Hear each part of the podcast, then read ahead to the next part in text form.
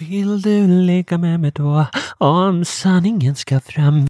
Alltså han hade ju bången när han skrev med dig. Alltså det, han höll den ju i handen och var så i valet och kvalet om man skulle bränna av en salva på pornhub.com eller om man skulle då eh, få ett snabbt inträde. Ja, han var riktigt laddad. Det var ju en desperation grumlad av kåthet som vi fick eh, ta del av.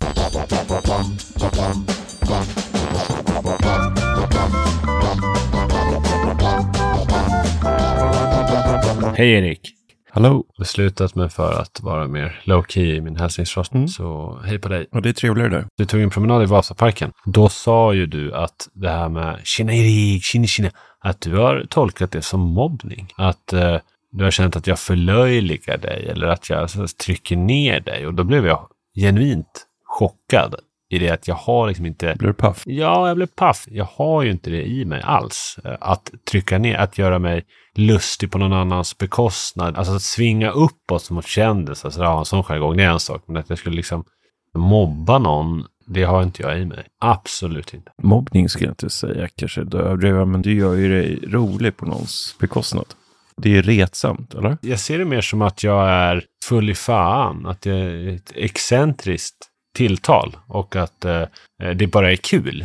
Om du tar någons namn och håller på och liksom gör ordramser med det. Nej, men det är ju inte namnet. Ges det tilltalet också? Ja, men det är ju tjena som är grejen. Tjena Erik! Tjena, tjena, tjena! Alltså Erik råkar ju bara finnas med där eftersom jag hälsar. Vad vill du åstadkomma med det? Men att det är kul.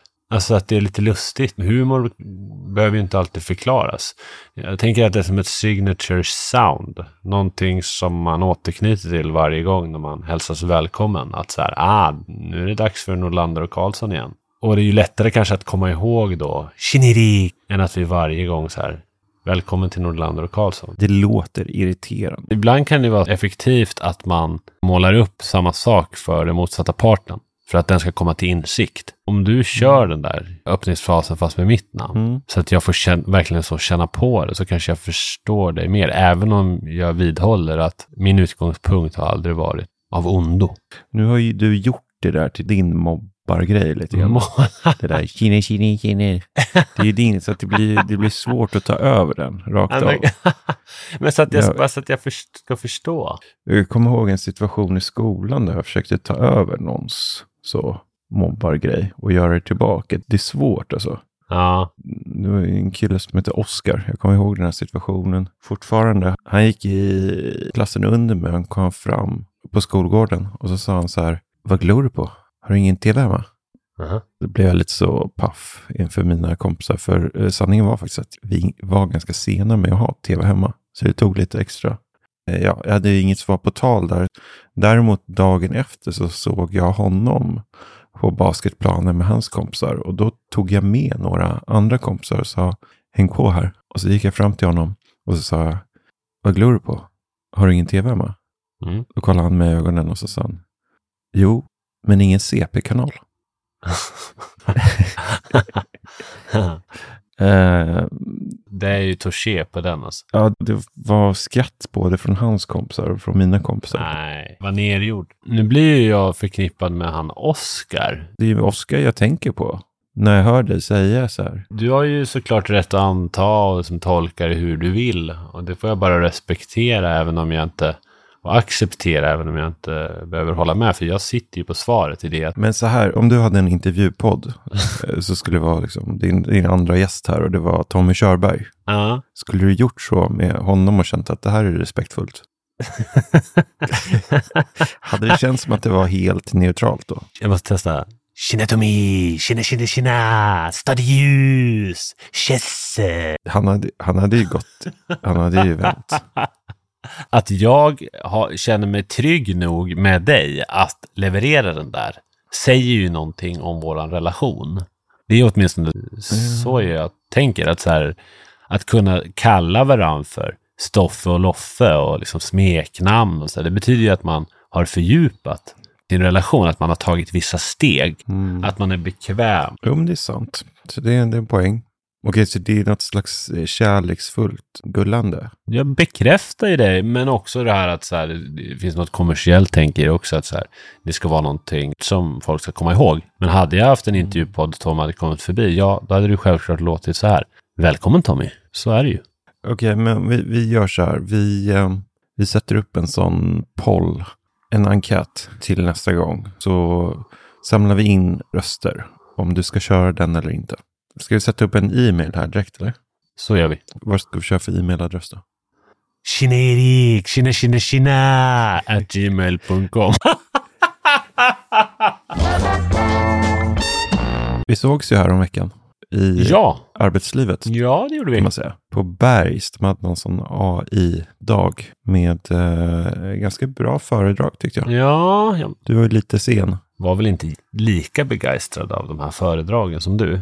Mm. Ah, jag ha- jag hade väl inte dagsformen för att stå och lyssna där. Jag var ju inbjuden av eh, rektorn som hade inte bjudit in mig som talare men som ja, närvara på den där dagen och prata lite med studenterna och, lyssna. Käka någon sån eh, burrito. Ja, just det, som han uh, Phil's Burger. Ja, du kände igen någon som stod där? Han som stod och, och tog betalt. Mm. Han är ju grundaren av Phil's Burger. Och nu stod han och serverade burritos på Bergs eh, AI-event. Det väcktes ju många frågor. Hur går det egentligen för Phil's Burger? Eller så är han bara en rastlös entreprenör som brinner för mat och vill testa nya marker. Det visade sig att du, du kände en del folk där inne. Drosade ju omkring där. Vi sonderade terrängen och då kommer det fram en glad kvinna och då ser jag att det är min eh, tjejkompis. Poddlyssnare va? Ja, hon lyssnar och eh, jättekul att se henne. Det var ju flera år sedan. Och Mm. ni eh, verkade ju ha ett gott öga för varandra. Kanske jag som Mhm. läste in för mycket, men hon... Vad var det du såg då? Ja, men, Vad, vad, vad var det för signaler? ja, men du blev ju stel. Inte uppenbart stel, men du blev annorlunda. Jag brukar ju kommentera det ibland när vi är ute och går och så känner jag på din energi att du blir lite tyst eller att du, eh, du zoomar ut, du blir lite frånvarande. Mm. Anledningen till det är ju ofta att du har sett någon vacker kvinna. Hon började ju sådär, ja vad ska jag göra imorgon? Och visade något konstevent då som lite sådär underförstått bjöd in dig till. Och sen så visade hon oss också vad hon hade gjort då för projektarbete på en våning ner. Vi pratade lite meta med varandra. Att vi berättade om oss själva och visade att vi var angelägna. Jag sa att det här hade du ju kunnat gjort hos oss istället. Att det hade varit trevligt att träffa henne mer och så. Men sen var det som om någonting dog i henne. Hon kanske inte fick så mycket som hon hade behövt i samtalet. För sen så lämnade ju hon bara av. Eller sådär, jag ska gå till mina kompisar. Sen kanske det var en strategi också. För att inte bränna all ammunition direkt. Hon hoppades väl kanske att vi skulle dyka upp dagen efter på det där konsteventet. Hon hade ändå lämnat en öppning. Ett inbjudningskort. En nyckel. Ja. Vi träffades ju också på vernissage. Det var ju festligt. I jurran. Ja, Eller vad är det du säger? Jursan. ja Jursan tror jag man säger. Ja, Jag säger jurran. Ja, det är nog inte, det hörs nog rätt tydligt att du inte kommer därifrån om du säger Jursan. Ja. Men eh, jag, jag har en kompis som har en ateljé där som är otroligt fin. Och eh, som ställer till med kalas. Det hette ju att det var ett vernissage mellan 12 och 3. Sanningen är att det var ju en dagsfest som pågick hela kvällen och natten. Det var ju liksom en Ja. 24 timmars warehouse party. Det, var ju, det blev ju ett inferno. Men det började ju lite tokigt där. Jag hoppade ju av eh, taxin i i Djursholm och började då med att nicka lite lätt till ett äldre par. De gjorde detsamma, alltså lite grann sådär att här eh, är vi privilegierade och vi eh, mår bra och vi kan kosta på oss att må bra tillsammans när vi möts. Du sa ju det någon gång också när du lånade barnvagnen och gick med Alexander och du mötte blicken med en annan mamma på Djurgården. Och hon log och nickade Mm. åt dig. Alltså att ni hade barnen gemensamt. Att så här, här ska vi minsann ha det bra nu bredvid vattnet med våra barnvagnar. Vi har lyckats, sa ju du. Det var liksom din tolkning. Mm. För att hon försökte förstärka då hur bra ni hade det. Ja, det kändes lite självgott sådär. Log du tillbaks då eller bara? Nej, jag tror inte det. Men i alla fall, så då nickade jag till det här äldre paret och sen så letade jag upp adressen och så såg jag då ett gult hus. Men jag tyckte det verkade ganska lugnt. Och så gick jag runt huset för jag hade hört att det skulle vara någon balkong. Det var en balkong jag såg men det var inget folk där. Och då började jag säga, men vänta nu, är jag ens på rätt plats? Så jag ringde dig och så sa jag då, är det ett gult hus? Ja, sa du. Så sa jag då, jaha, okej, ehm, men kan inte du möta mig vid entrén? Men det är bara att gå in, sa du. Så jag gick då runt tillbaks till entrén och jag ska inte säga att jag gick raka vägen in, jag plingade på. Men så möts jag då av en förvirrad tonåring. Eh, ja, eh, hej. Och så sa jag då att ja, det här är vernissage, eller? Nej, det är inget vernissage här. Nej. Och då visade det sig att jag hade ju läst fel. Jag kände ju det rätt snabbt. Jag var ju sen. eh, Mm. Jag skulle väl åka med dig där vid tolv var det sagt. Men jag snubblade in halv två. Och då snuddade jag vid tanken att så här, nu är det typ en timme kvar. Men så fort jag kom dit så förstod jag ju att det här är ju bara en förklädnad. Det är ju absolut så att han har en massa fina verk som han vill dela med sina vänner och bekanta och fler därtill. Han är en duktig konstnär. Men det var ju också ett, ett rättfärdigande för det här warehouse-partyt. Men det var ju Johan Barrett heter han. Så kan man, kan man kolla. Trevlig man Ja, väldigt trevlig man. på alla sätt. Sympatisk, skör, intelligent, vacker. Ja, Jag har ju träffat han nu ett par gånger och eh, han är ju också en lyssnare av podden. Han har ju gjort eh, samarbeten med Svenskt Tenn och eh, varit utställd Nordiska på galleriet. Nordiska galleriet och Liljevalchs. Han är på G. Ja, Har du köpt något? nej, Det stiger ju i värde. det kan jag tänka mig. Eh, Du kanske är som de här stora fonderna. Vänta tills det är liksom tillräckligt dyrt. jag är liksom inte reaktionär, jag är ju en Warren Buffett. Noga överväger investeringen, sen så behandlar jag den med ett barn i decennier. Och oaktat eh, om det går upp eller ner så kommer jag älska investeringen lika mycket ändå. Mm. Jag hoppas väl på något kompispris från Johan i och för sig. Mm. Utifrån det här Svenskt Tenn och Nordiska Galleriet och Liljevalchs så förstår man ju att utifrån sådana, vad ska jag säga, Estetiska preferenser. ja, kommersiella erkännanden. Mm. Utifrån det så, så, så här, gör man ju antagandet innan man ens har sett hans verk, att så här, han vet vad han pysslar med. Sen kan ju konst vara så jäkla vitt och brett också. Och det är ju i allra högsta grad en smaksak, även om man kan så här, fan vilket hantverk, men det här kanske inte föll med smaken, precis som med musik. Och jag kunde väl känna att jag hade lite svårt att förstå de här verken som han visade upp. Men med magkänslan då? Vad ska jag säga?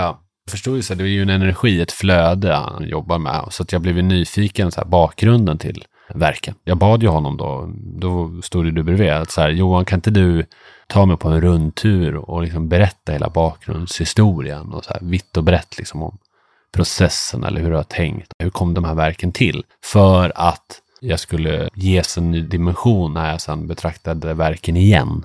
Och det fick jag verkligen. Vad sa han då? Ja, men alltså, han har fått sina tvillingar. De kom väl efter hans första barn. Mm. Och hans behov av egen tid som då inte riktigt kunde uppfyllas. Och den stressen, liksom paniken, frustrationen. Med det sagt så han älskar ju sina barn och vill vara med dem. Men man har ju olika behov. Och är man konstnär så kanske man verkligen så behöver sin egen tid. Men då fick han inte den. Var det inte så att barnen var med honom? Jo, precis. Han började ju måla med varsitt barn på armarna. Och då kunde han ju inte måla exakt som han ville, men nöjde sig med det som blev. Och det blev det här flödet och den här energin, de här formationerna. Som jag sen också förstod var någon abstrakt take på blommor och sådär. Och då kände jag att fan, det här är ju grymt. Så då eh, ringde jag den ansvarige för min fond och sa att nu är det dags att kliva in. Nu hostar vi upp. Det kan man känna hur tyngden på axlarna skapade de här breda penseldragen. Ungefär som Magritte eller vem det var som... Det var någon fransk konstnär som låg i sängen och målade med en sån här jättelång pensel på stora panåer. För att han inte kunde ta sig upp ur sängen. Oj, När liksom omständigheterna skapar penseldragen. just det. Du fick ju träffa ett eh, gammalt ex till mig. Ja, Och du fick träffa, eller fick och fick, det är ju flera. Du har ju träffat Gunnar tidigare. Ja, ja, ja, ja, ja. Som är Otrolig med i vår karaktär. filosoficirkel. Eller vårt hemliga sällskap. Vad är det ni kallar det? Och eh, rummet. Just det. Och sen så fick du ju träffa Pelle. Ja. Han har ju också ett eh, gott, eller har du, du har gott öga till Gunnar också. Men Pelle har ju ett gott öga till väl, eller? Ja, ja, ja. ja. Jag älskar ju den intervjun han gjorde för, vad är det nu, 10-15 år sedan. Alltså i TV4s Nyhetsmorgon med Jenny Strömstedt. Hur går själva skapandeprocessen till då? Det är sånt där inte jag pratar om. Eh, Ja, men då skiter vi i att prata om Ja, det. det- Förlåt, man ska inte säga det i TV. Vi Vilket, men vad ska vi fråga om då? Vi, eh, vad, vill du, vad vill du prata om? Jag vet inte, det är ni som är programledarna. Det kanske inte är hans favorit att prata om. Nej, men ändå för att det ska bli vida känt för de som lyssnar. Oh. Den blev ju viral, den intervjun. Sen är han en duktig konstnär. Mm. Smart person. Han utbildar ju sig dessutom till läkare nu och ja, men på alla sätt duktig. Ska du säga hans artistnamn? Nordpolen. Mm. Vi måste ju också nämna att du var ju andra halvan av Nordpolen när det begav sig. Därav Nordpolen. Nordlandet. Nordpol hette vi först. Vilket ju var grammatiskt eh, korrekt då när han blev själv. Var det lite som Mando Diao, att du kände att eh, som Norén-brodern där, att eh, du sökte någonting annat? Någonting mer? Vi hade ju hållit på med musik där från att vi var 15 till 18 och sen så när vi slutade gymnasiet så hade vi bestämt oss för att vi skulle flytta till Göteborg och satsa på musiken. Och det gjorde vi, så vi flyttade till Johanneberg först och sen till Majorna, skaffade oss eh, något jobb där och så gjorde vi musik i sovrummet. Jag minns i Majorna hade vi sådana här salondörrar in till köket. Vi hyrde någon lägenhet från någon som var taxichaufför halva året i Sverige. Men till slut så, vi, det var ju, vi var ju unga och det var stökigt och eh, kanske att det tog lite längre tid med framgången än vad vi hade förväntat oss. Vi började väl tära på varandras inställning till den andra. Det här var liksom första gången vi tog i hand och han var ju rolig när han öppnade upp då samtalet med att säga att han var starstruck. För att han hade lyssnat på podden. Det kändes ju också genuint. Det känns ju också som att det är i linje med Pelle på något sätt. Det är roligt att han säger det. Ja. Sen så frågade de om jag ville höra en demo som han håller på med nu med eh, Lorentz. Du har ju berättat om efterfester med Lorentz och Pelle när de har spelat upp sin musik för varandra. När du bodde granne med Lorentz och ni turades om att förflytta efterfesten mellan era lägenheter för att då kunna Mm. förlänga festen. Just för att ni störde grannarna hos den ena och sen när de blev för liksom arga då flyttade ni upp till dig och sen så, ja, och så höll ni på så. Det var ju två våningar emellan. Så det var ju helt eh, sömlöst att byta. Ja, och jag har ju en koppling också till Lorentz. När de var Lorentz och Zacharias när det begav sig så skulle jag tillsammans med deras ordinarie producent stå för deras nästa skiva. Men sen så splittrades de och Lorentz skulle göra sin eh, solo-grej istället med kärlekslåtarna. Och då passade inte mina bit längre in i det. Men jag vill liksom inte komma med min historia där. Så när Pelle då frågade så här, men känner du till, vet du vem Lorentz är? Ja, jo, absolut, sa jag. Ja, och skulle berätta då grejer kring hans musik och drog väl också någon anekdot kring Lorentz och Zacharias. Och jag bara, ja, okej, ja, jag fattar. Du vet, den här känslan av att man inte vill lägga sig i eller ta plats när någon är så liksom eldig kring någonting. Mm. Att den vill berätta någonting. Då vill man inte bara, ja, ah, jo, men det där, jag, jag, jag också, jag, säga, jag har en koppling till Lawrence, det känns ju bara drygt. Så att jag bara, absolut, ja, kul. Det där har vi pratat om tidigare. När du sätter dig, när du pratar med en kort man eller... Jag vill inte ta det utrymmet, alltså utifrån hur samtalet var. Men kan du inte sagt att, att du har en misslyckad musikkarriär bakom dig? Men den var ju inte misslyckad. Det var ju, alltså, jag mådde ju för dåligt, Erik. Alltså jag, jag följer ju ifrån. det, är, ju- det är ju sanningen. Alltså hade jag mått på ett annat sätt så hade jag kunnat förvalta det annorlunda. Det var, det var tuffa år. Mm. För det är ändå intressant det här. Att jag väljer den vägen. Att så här, eh, vad heter det, inte undertrycka mig, inte förminska mig. Det är bara att jag undanhåller den infon. För att jag inte vill att det ska skäras. Mm. Jag var mån om att eh, bevara det goda samtalet. Det är ju liksom precis som Kinerik. Det är ju, finns inget ont i det. Tvärtom. Det är av godo. Men det blir ju fel. Jag kunde ju heller inte backa. Då tänkte jag så här, men vad håller jag på med? Varför berättar jag inte? Ja. Men eh, det var kul att träffa Pelle. Han eh, också pondus. Han är charmig. Mm. Väldigt så direkt. Mm, det han. Och så spelade han upp demon. Och jag tyckte det var grymt. Så mycket som han njöt då eh, såg han inte njuta på hela kvällen. Ja, det, om möjligt när han och Johan då och andra också på balkongen sent sjöng med till Håkan Hellström-låtar. Då var det också en otrolig njutning. Ja. Och Gunnar som är göteborgare sa att det är otroligt det här när stockholmare sjunger med till Håkan Hellström-låtar och så kan jag inte en enda. Han är ju från Majorna. Och så sa jag, men känner du inte en, någon slags lokal patriotisk stolthet? Och då sa han att, eh, ja det gjorde han väl inte riktigt. Kanske lite. Men när jag sen kom in där, alltså det tog ju en stund för mig att landa i den här miljön. Bar på ångest. Just det. Det passar ju inte in där, för folk mådde ju bra där. Ja, ja, ja, verkligen. Och jag menar, när du och jag går promenader och sådär, det känns som att du är ganska så världsvan och talför och så. Det var lite oväntat tyckte jag, att du inte tog för dig mer i det sammanhanget. Jag var ju obekväm. Alltså jag mådde ju dåligt. Mm. Det var ju det som var hela anledningen. Och då blev ju också vissa sådana här liksom sociala koder förstärkta. När ett samtal är trevande och känns styltigt. Det var ju någon engelsman som vi stod och pratade med i början där och det, det var ju stelt. Mm. Man, du vet, man snackar av artighet. Man, man kommer liksom inte vidare i konversationen. Right.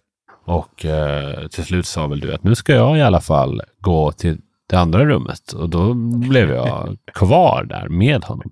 Men sen såg jag Gunnar och hans hund och den här strävhåriga taxen Bertil. Och då blev jag glad. Och sen så träffade jag Pelle och det var, det var kul. Mm. Sen så blev det ju, alltså sådär, man kom in i vissa samtal. Jag träffade ditt ex där också ju. Det var lite kul att, höra kring hur hon betraktade dig för och sådär där klassiska. Men, Vad, hur betraktar hon mig? nej, men hon sa väl att du var dig lik. Ja. Hon sa väl också att du såg ut att må bra nu. Mhm. Och då fick att fundera, hur såg du ut förut? Hur dåligt mådde du? Ja, det, är, det är faktiskt kul att höra att man ser ut att må bra måste jag säga. Men det, det väcker vissa frågor som sagt. Men sen så, du tog upp det här med att vi har en podd och Mm. en av de hundratals gångerna du gjorde det under kvällen, det ska vi ju verkligen prata om. Din förmåga att, på gott och ont skulle jag säga, frambringa det här om podden. och till slut kändes det väl som att hon sådär, ja men kan vi inte, finns det inte något annat, någon beröringspunkt här? Och eh, jag kände ju av en lättnad i henne när hon fick veta att jag har barn. Ja. För då var det precis som att, ah okej, du är inte en Erik 2.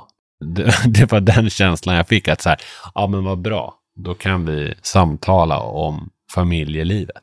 Och kanske också att jag kan inspireras lite av dig och bli som folk ska vara. Ja men precis, och du, då hamnade ju du lite utanför. Mm.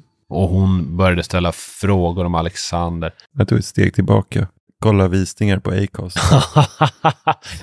Stött av att hon inte ville fortsätta prata om podden. Hur många Insights. strömningar podden har.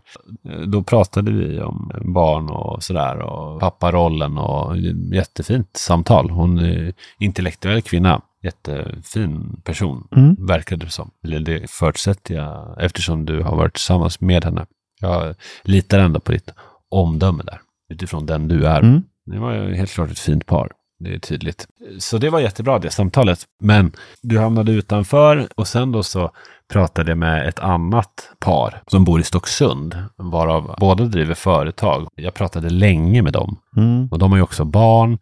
Och det kändes som att han och jag då upprättade någon slags bromance. Det kändes som att när som helst så blev jag inbjuden på middag Aha. någon helg. Alltså det var den energin. Jag blev ju den här världsvana till sist. När ångesten klingade av. Vårat snack var så levande och det fanns ju en connection. Vi förstod varandra och sådär. Men så pratade jag även med hans fru då. Och eh, så kom vi in på drömmar och sådär. Och då berättade hon att han brukar sjunga ibland. När de sitter i bilen med barnen och det kommer på någon låt som alla hänger sig åt och sjunger med till så blir han tyst. Mm. Och då så det kan ju bero på att du verkligen kan sjunga, men du är så självkritisk att du tycker att du är dålig. Så att du tvivlar på din förmåga. Och så började vi prata om det. Mm. Och hon hade ju drömt om skådespeleri och att vara sångerska. Och, och så pratade vi om att det är lätt hänt att den här innersta drömmen blir uppskjuten. För man vill heller inte bli besviken om den visar sig vara någonting annat. Om man heller inte uppnår den, alltså käftsmällen. Mm. Någonstans är det den enda vägen att gå, men att man av rädsla då, alltså att det är allmänmänskligt att skjuta upp sin innersta dröm. Och vi pratade om landet kontra staden och den konflikt man kan uppleva kring det, mm. vart man vill se sina barn växa upp och så vidare. Och sen kom vi in på drömmar och det är ju ganska innerligt samtal. Men sen då, efter det, det var ju då jag frågade Johan om han kunde visa mig runt. Och när han är som eldigast, alltså mitt uppe i sitt samtal om sina verk och då hör jag någon man som ropar längre bort i rummet från dörrkarmen. Ja. Och jag väljer att inte uppmärksamma det. Så jag fortsätter då ställa frågor till Johan som ivrigt berättar om sina processer och sin konst. Mm. Men den här mannen fortsätter att ropa från den här dörrkarmen. Mm. Ettrigt. Nu minns jag något irriterat från Johan. Han fick något eh, svart i blicken och eh, började snegla bort mot dörrkammaren och jag samma sak. Och då ser jag Erik Nordlander stå där och vifta. Du avbryter oss när vi liksom är mitt uppe i samtalet om hans konst på hans vernissage i hans ateljé. Ja, han har bjudit in 50 personer. Han har fixat dricka, han har fixat mat. Ja. Han, har, han har ansträngt sig. Han har fixat barnvakt. och ha, ska ha liksom the time of his life. Och så står du där och viftar, han får något svart i blicken och så säger du kom, kom här, kom. Och så vadå, vadå? Och så liksom sneglar på Johan, pekar mot Johan för att du ska förstå att jag är upptagen, jag är i samtal, Johan berättar grejer här. Mm. Kom, kom bara, det, det går fort, kom bara eh, till andra rummet. Ja, men vad gäller saker? Kom, kom, kom bara, kom, kom, sådär, håller du på. Och då säger jag till Johan att jag fortsätter jättegärna dialogen, men jag, jag, ja, jag får gå och se efter vad det här gäller. Alltså om det är någon, något som har hänt, om det är någon krissituation. Det var lite den energin du hade. Och så började jag gå genom rummet, eh, genom dörrkammen in till det andra rummet. Och då möts jag av flera personer på rad som nästan så välkomnar mig in i den salen. För att du har... Det är vackert, vackert solljus där. Ja, något motljus in i fönstren. Mm. Starkt sken Mm. och någon matta på golvet. Jag hade hört någon tidigare skämt om att det skulle bli swingersfest där senare på kvällen. och det var någon kompis till dig och du sa att ja, det varit trevligt. Det var någon ryamatta med massa stolar uppställda runt omkring. Man kände ju, och det här var tidigt in i vernissaget. Det var då jag kände att det här kommer ju, det här är ju liksom inte bara ett vernissage. Det här är ju en fest. Men då så välkomnas av alla de här människorna. Och då har du stått och sålt in till Bookmarks marknadsansvariga.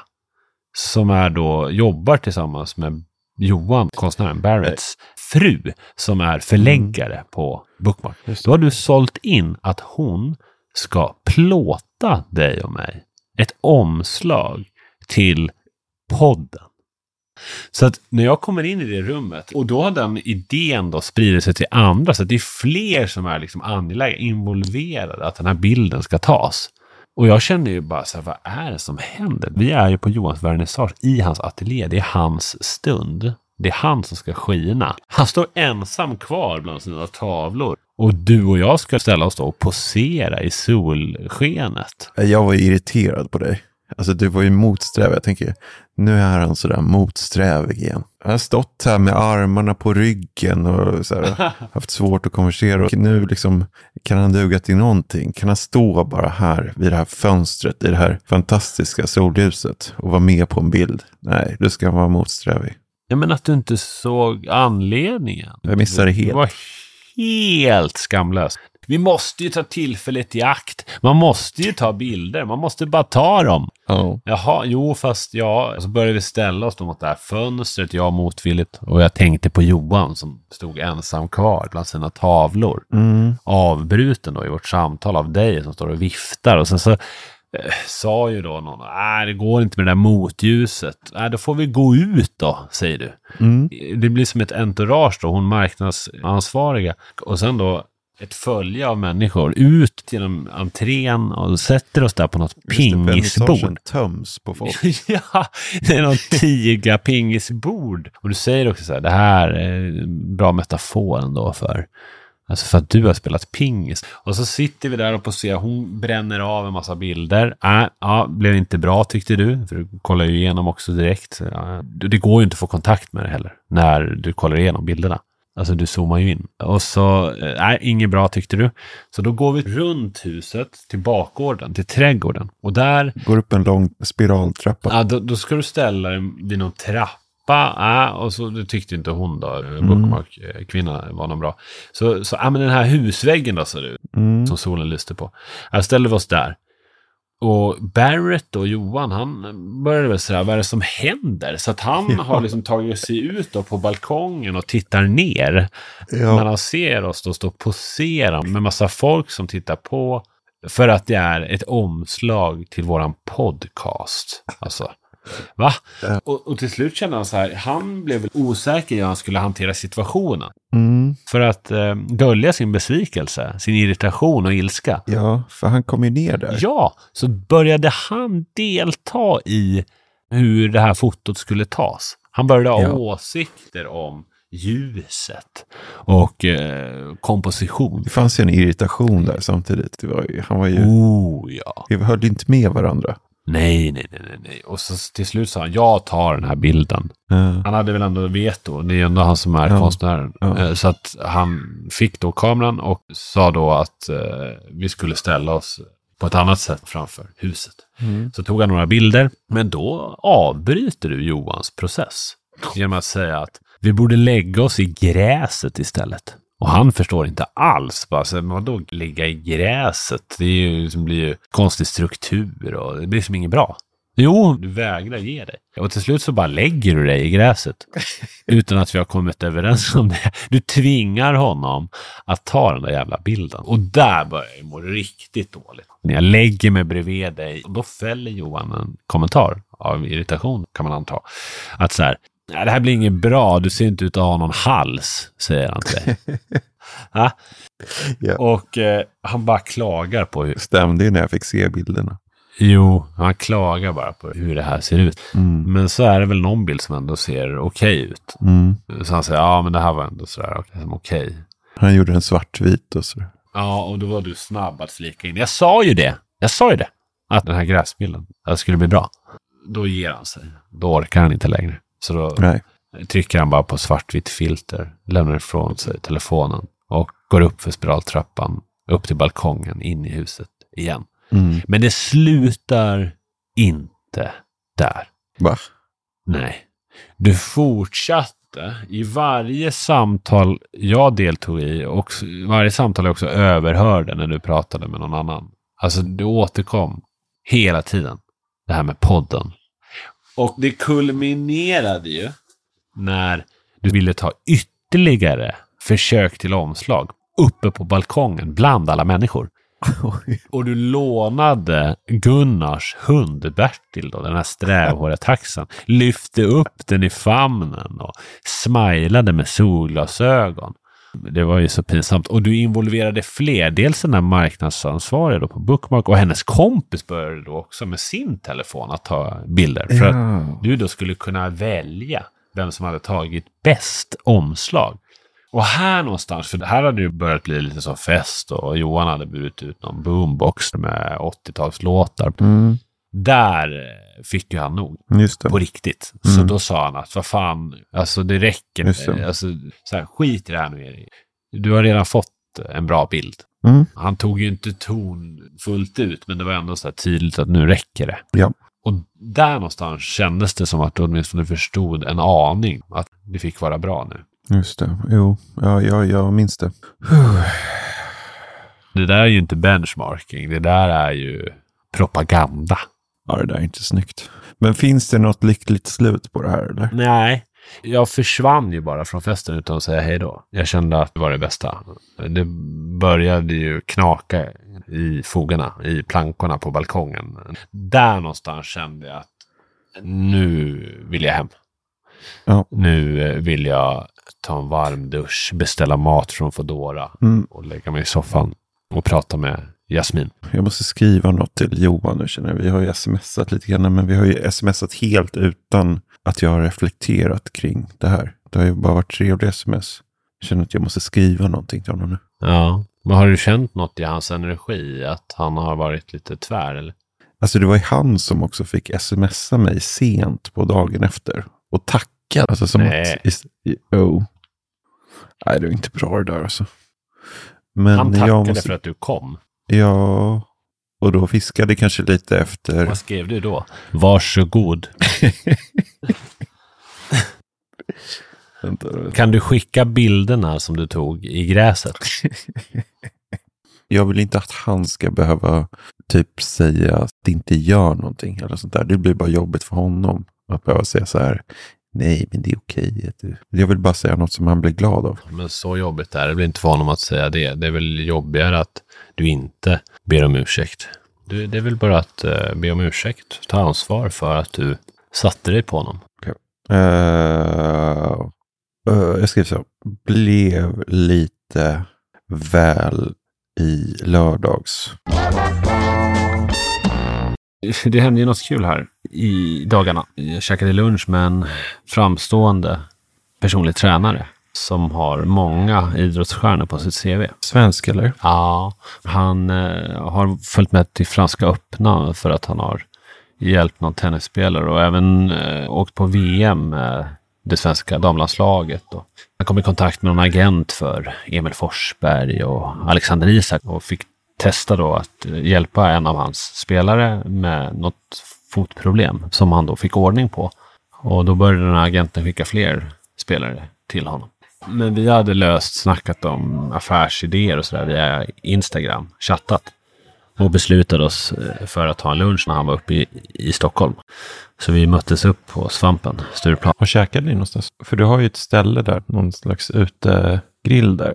Där vi såg det största och hårigaste arslet någonsin. Du envisades att med att vi skulle gå dit. Jag var inte alls sugen. Och sen när jag gick dit så, det odjuret som satt där och åt med ryggen vänd mot oss och gällvarehäng.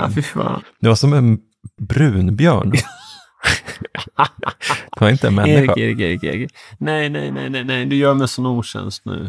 Du gör mig en björntjänst eh, genom att ta upp det här om björnen i hans arsle. För att jag hade förträngt det här. Det kommer ju ta tid för mig att förtränga det igen. Jag, det tog ju tid för mig att kunna äta där. Och nu tar du upp det här på nytt. Det var ju ett minitrauma att behöva se hans stjärtskåra. Alltså man såg ju typ inte skåran på grund av allt hår. Och det var ju brett och dant och ja, det var... För det var ju en sån bänk som har en sån glipa där nedanför ländryggen. Det var, det var där den här urskogen öppnade upp sig. Eh, det är en genialisk eh, idé om man är konkurrent till den där thaikiosken och vill, vill eliminera alla stammisar. Då är det ju bara att sätta honom där. det är så många trauman som etableras då. Ja, Du blev ju mörk. Jag fick vatten på min kvarn kan man säga. Jag ville ju inte äta där ändå. För jag tyckte ju att det, var, att det är lite smutsigt att sitta på de där bänkarna. Jag kan ju gilla det, att det hör till. En sån street food-känsla. Jag blev ju, vi sprang ju därifrån. Fast åt inte där. Nej, vi gick och käkade på någon märklig pizzeria. Som också var smutsig eller? Nej, den var jävligt trevlig faktiskt. Han var ju gullig den personen som hade den pizzerian. Det var inte läge att ta honom dit. eh, Eller till någon annan så kallad då, enligt din utsago, smutsig restaurang eller matställe. Jag tog honom till eh, Modgallerian. Något asiatiskt ställe centrerat i mitten där. Och så berättade han då, ja, vi, vi kände lite på varann och vi kom igång där och pratade lite affärsidéer och Men också en del privat. Han var öppen och frispråkig, var härligt. Vad sa han då? då? Nej, jag vill inte gå in på det. Det var mer, han är nyskild och så. så var... Knullerier. Nej, men eh, han, eh, han berättade då att han har lyssnat på podden. Mhm. Och att han genom första avsnittet blev varse din närvaro på Raja. Ja. Där och då på lunchen så var det sådär, ja men hur blir man medlem där då? Ja, jag har ju skickat in någonting, men jag har inte fått någonting tillbaks. Undrar om de svarar, undrar vad som krävs. Och då sa väl jag lite flyktigt att, Min vän är i toppskiktet. ah. I alla fall, jag sa väl att, jag vet inte hur det funkar, men ange att du har tränat de här idrottsmänniskorna och så vidare, så kanske du ger dig själv högre odds. Social status värderas ju högt i, i den appen har jag ju förstått. Men sen så ja, fortsatte vi prata om annat. Kom aldrig tillbaks till det ämnet. Och sen skildes vi åt och eh, jag hade väl någon tanke dagen efter att man bara skulle slänga iväg något meddelande. och Tack för lunchen, det var trevligt och sådär, men gjorde det inte. Och sen tre dagar senare så är det istället han som skriver till mig och tackar för den här lunchen. Jag tänkte, ja, vilket trevligt initiativ. Även om det hade gått tre dagar, men att han ändå gjorde det. Så jag blev sådär, ja, ah, vad kul. Känner du dig dålig själv då? Att du inte hade skrivit? Mm, nej. Nej, men eh, jag kan ju läsa upp. Eh, Han skrev då Tja, tack för senast. Kul att ses och ta en catch-up, tummen upp. Och så svarade jag Detsamma, riktigt trevligt att sammanstråla. Blev det någon golf dagen efter? Då svarade han kvickt. Blev ingen golf tyvärr, så rullade tillbaka till Gbg. Men så kom det då direkt efter. Mhm. Hade du någon kontakt på Raja förresten? Och då förstod jag att hela den här harangen om att tacka för senast, det var ju bara e- ett upplägg för att kunna ställa frågan.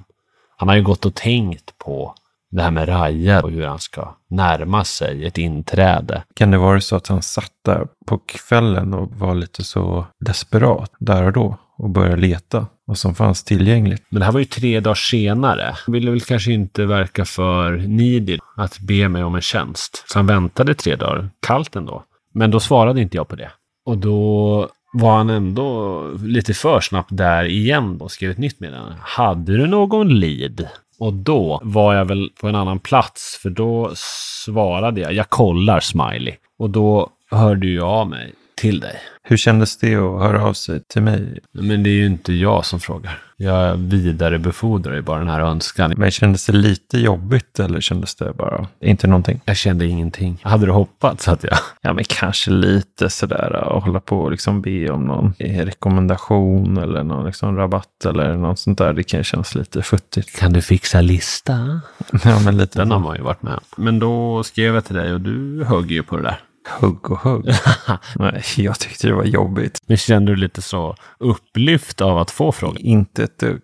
Jag känner så här, nu får man sluta hålla på och snacka om att man ska vara så himla snäll hela tiden. Så, så fort det kommer någon liten tjänst man ska göra, då ska man hålla på och vara svår och inte göra det. Så då tänkte jag, okej, jag får, jag löser det här till den här killen. Och då skrev jag hans namn och sen så löste du det där. Och eh, ni inledde ju då en konversation via sms. Han tackade för hjälpen på engelska. Jag vet inte om det var automatgenererat, men det kom från hans nummer. Och att han trodde att du var engelsktalande. Och sen tog jag en printscreen och eh, skickade vår konversation till dig. För han svarade då Hi, thanks for the help. I've created an account, but I'm on the waiting list, it says. Och då skrev du, kör hårt, sno alla mina brudar, flörtsmiley, hjärta. och då gjorde han någon slags solglasögon-emoji och så skrev han, när kickar det igång? Alltså så jävla taggad. Girig. Man kunde känna doften av kön genom det där smset. Man kan ju bara tänka den liksom konversationen, hur rakt på sak den skulle vara. Om han inleder någon med någon tjej där. Vill du lägga med mig då? Om sanningen ska fram. Vill du lägga med mig då?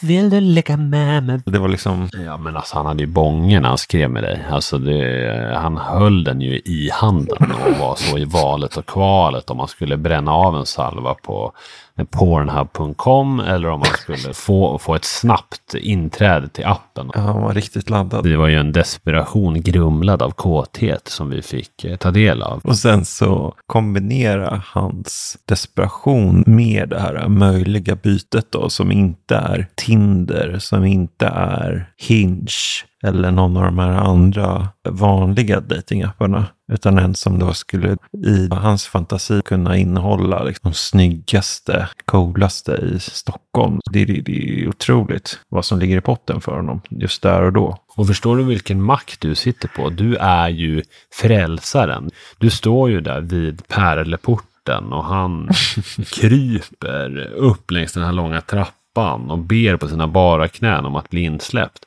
Och du står där och har alla möjligheter att antingen öppna den dörren eller stänga den. Potentiellt sett så står han ju fortfarande där. Även om han säkert gick vidare från det den kvällen. Kan man säga att jag har en hållhake på honom fortfarande? Ja, och inte vilken hållhake som helst. Du skulle ju kunna e egentligen ta vad som helst ifrån honom nu i utbyte. Alltså sådär. Mm. Jag trycker på accept-knappen så att du får gå in genom porten om jag får din sportbil. Alltså han hade ju, åtminstone när han satt där med ståndet i hand, så hade han ju slängt bilnycklarna till dig. Det finns väl förmodligen få saker som är så kraftfulla. Mm. Han är ju förlorad från start i den förhandlingen. Det är för starka krafter. Jag eldade ju upp honom också. För du skrev ju då efter att han skrev när kickar det igång. Det var ju ändå snyggt av dig för då snäste du av han på ett humoristiskt sätt genom att skriva bäst att dra en tralla nu. Brukar ta någon vecka! Utropstecken. Och sen en sån glad smiley med en svettdroppe som rinner ner längs pannan. Det var lite out of character, det sättet jag skrev på där kanske, men man kunde känna hur han var. Jag tänkte att det var roligt. Han kände nog att det var dags att sluta tjata. Men vad skulle du nu kunna... För som sagt, du har ju en upp på honom. Ja, det är nu jag ska, måste handla. Det är nu du har chansen. För att han vill inte riskera att det skär sig mellan er. Men vad sitter han på då? Ah, vad har han? Vad sportbil? Jag inte. Sportbil, jag tror han har något bra hus. Det hade man ju kunnat låna. Västkusten. Men alltså jag tänker att du kan ta i mer. Inte bara låna hans hus. Något bestående. Han har ju en jävla massa kontakter inom träning. Just det, en PT hade varit nice. Men vi bör ju skynda oss att komma på. Åtminstone inom de närmsta veckorna då innan han blir accepterad. Men jag skulle också vilja ha en PT. Jag skulle vara ganska nöjd med det. Tror du jag skulle kunna skicka någonting till honom nu? Typ ett klippkort eller någonting. Tio stycken. Tio, tio timmar. Minst hundra. Och när han svarade ja, definitivt. Då svarar du snabbt. "N- När kickar det igång? Då skriver han tillbaka. Kör tio armhävningar. Det kan ta några veckor. Och då säger du, ska det vara på det viset, då kan du fetglömma himmelriket. Han skulle ju inte ge sig. Han skulle ju vända sig till mig igen. Hade du någon annan du känner som också är medlem? Det kan ta några veckor. Ska vi avrunda på något särskilt vis eller ska vi vara stereotypiska och bara säga tack till alla som har lyssnat och säga inget mer eller? Det är inte så att böcker nu för tiden saknar inledning. Hur vore det om vi saknade slut? Ja, det har vi ju gjort i ett par avsnitt. Vi kanske ska tillägna den Johan Barrett som en ursäkt för mitt dåliga beteende. Det här är ditt sätt att säga förlåt. Han kommer ju aldrig ha lyssnat klart på det här avsnittet. Om det är så att, Varför då? även fast han säger att det är okej så kanske han inte är så sugen på att höra min röst just nu. Att han ska lyssna på ett helt poddavsnitt. Johan är nog säkert ändå angelägen att höra klart, även om det är med bitter smak i munnen. Ja, men jag tycker nog, säg förlåt då. Förlåt, förlåt Johan. Men det där var ju inte autentiskt. Det menade du ju inte. Jo, det där är förlåt från hjärtat. Jag ska inte ta några mer bilder i din ateljé.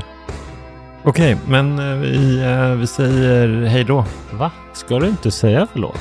Nej, men jag har ju sagt förlåt. Nu ska vi säga hej då ju.